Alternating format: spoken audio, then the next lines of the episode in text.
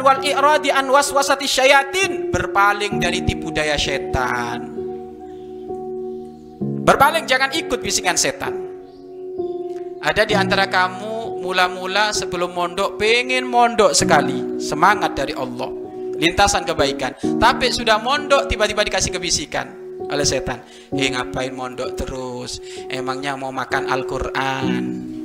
Mau makan kitab kapan ini kerja? Ini setan ini.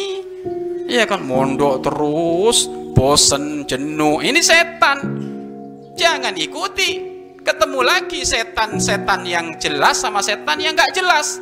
Setan jelas ketemu temen nggak baik. Wah ini sudah. Akhirnya apa? Dia keluar dari pondok setan keplok tangan. Alhamdulillah